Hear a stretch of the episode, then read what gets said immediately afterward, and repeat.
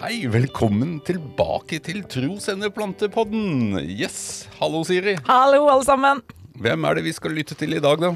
I dag skal vi lytte til pastor i Frimisjonen i Tromsø, Ellen Merete Drønen. Yes, og vi er da i episode tre av fire, og sitter fortsatt i Spania, noen av oss da. um, ja, skal vi bare si kjør i gang? Vi gleder oss. Ellen Merete Drøn fra Tromsø, med sørlandsdialekt vel å merke, men du har bodd der oppe en stund nå. I tre år. I tre år. Du skal være med å Fra Lista. Nå fra Tromsø.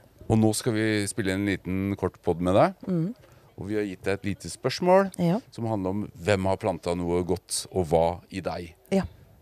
Uh, men før du svarer på det, så har vi hatt en veldig hyggelig prat med uh, Håkon uh, Vikse. Og han har stilt deg et spørsmål som du skal lytte til her. Hva er ditt beste leirprestminne? For Ellen Merete hun har vært min leirprest når jeg gikk på stage dive. Leirminnet, det er high five.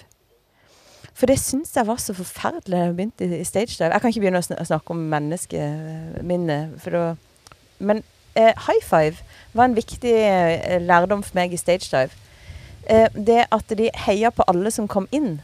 Og i tillegg så var det sånn um, Første gang jeg var på stage dive, da var jeg 28 år. Og da hadde de som hadde utarbeida stagedive, snakka om en kultur. En heiekultur på hverandre. Og jeg var liksom tenåring på 90-tallet. Da var det ironi som gjaldt. Og så kom jeg inn i en sånn nydelig lerkultur hvor de, de high-fiva og de heia på hverandre. Og det var så mye oppmuntrende ord på den leiren at det jo, gjorde da, og har fortsatt å gjøre noe med meg, som har skjønt eh, jeg har tenkt at jeg har trengt stage dive. Altså, jeg begynte da jeg var 28, men jeg trengte å komme inn i en sånn kultur som det. Ja. Ja. Så bra, men det er jo et nydelig svar. Ja, det er nydelig svar. Det er ikke ett minne, men det er en stor opplevelse. Mm. Ja, men Siri, vi kjøper den, gjør vi ikke det? Ja, Vi kjøper den, og det bare er ett av utrolig mange flere ting som sier noe om hvorfor StageLab er så bra, Ja, og hvorfor liksom, Yes. Folk, altså, ungdommer fortsetter å reise på det i hopetall. Mm. Mm. Ja, jeg, jeg husker også da, veldig tidlig at det var en sånn verdi ikke ha sånn put down-humor. Nei, skal ikke snakke ned hverandre. Og jeg husker på, på, altså, på når vi var eh, på ungdomsskolen, og, og, og det var jo i kristne miljø, så var det litt sånn hvis noen sa noe hyggelig, så ble du i tvil. Nå kommer faktisk nøkkelspørsmålet som jeg stilte deg i forkant. da. Det er Hvem har putta noe godt til deg? Mm. Hvilken historie har det du har lyst til å Eller person ønsker du å løfte frem? Mm. Hvem og hva? Mm. Fortell. Nå skal jeg, jeg skal snakke litt fortere nå, fordi at det er to.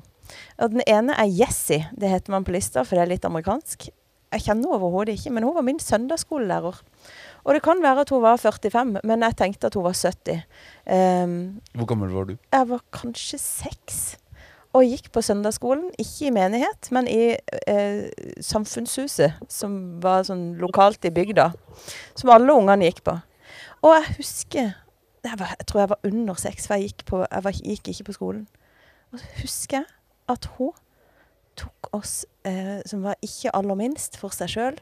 Og så fortalte hun at Jesus var død og stått opp, og at det fins en himmel eh, som vi kan få lov til å komme til pga. det. Og det var ikke Det var helt sikkert ikke en fantastisk tale, men det jeg husker, det er at eh, da skjedde det noe inni meg. For jeg ble fylt med en sånn begeistring inni inni meg.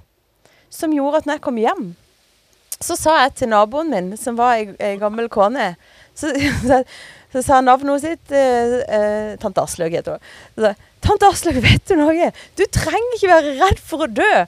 For du kan komme Alle kan komme til himmelen. Og det har jeg tenkt at på det øyeblikket der, så skjedde det noe Og jeg var ikke, jeg var ikke stor. Og jeg har ikke kjent henne annet enn de En gang i måneden så var det hun som hadde søndagsskolen. Ja. Men hun forkynte evangeliet, og det traff.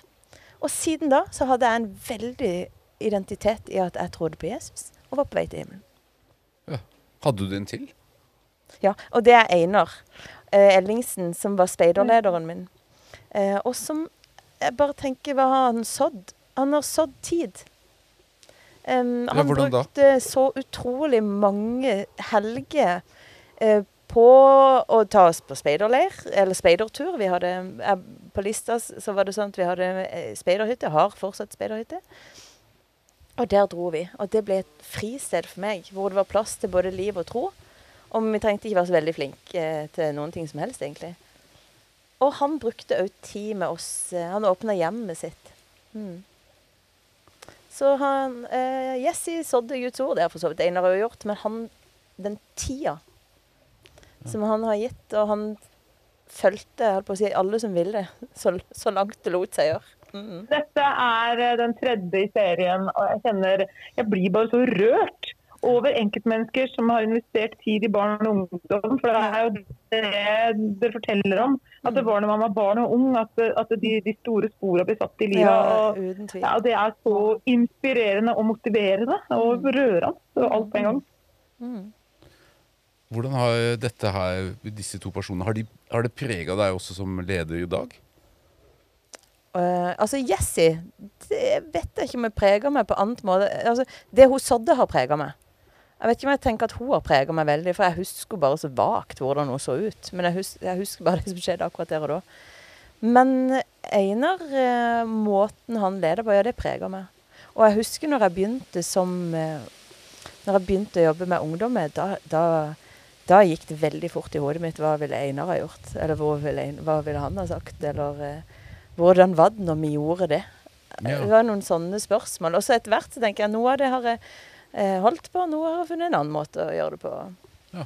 Mm. Men kanskje aller mest den rausheten som han hadde med oss, og, og forståelsen av at, at tid og Ja. tur var viktig. Mm. Du, Tusen takk for at du delte med oss. Mm. Og så uh, skal vi ha en gjest til. Ja. Og det er Martin Jacobsen Mm.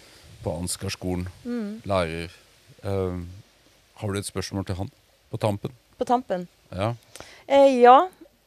Hva eh, syns han vil være det smarteste trekket, eh, sånn tankemessig og fokusmessig, som menigheter kan, eh, kan gjøre for at evangeliet skal eh, få vokse? Mm.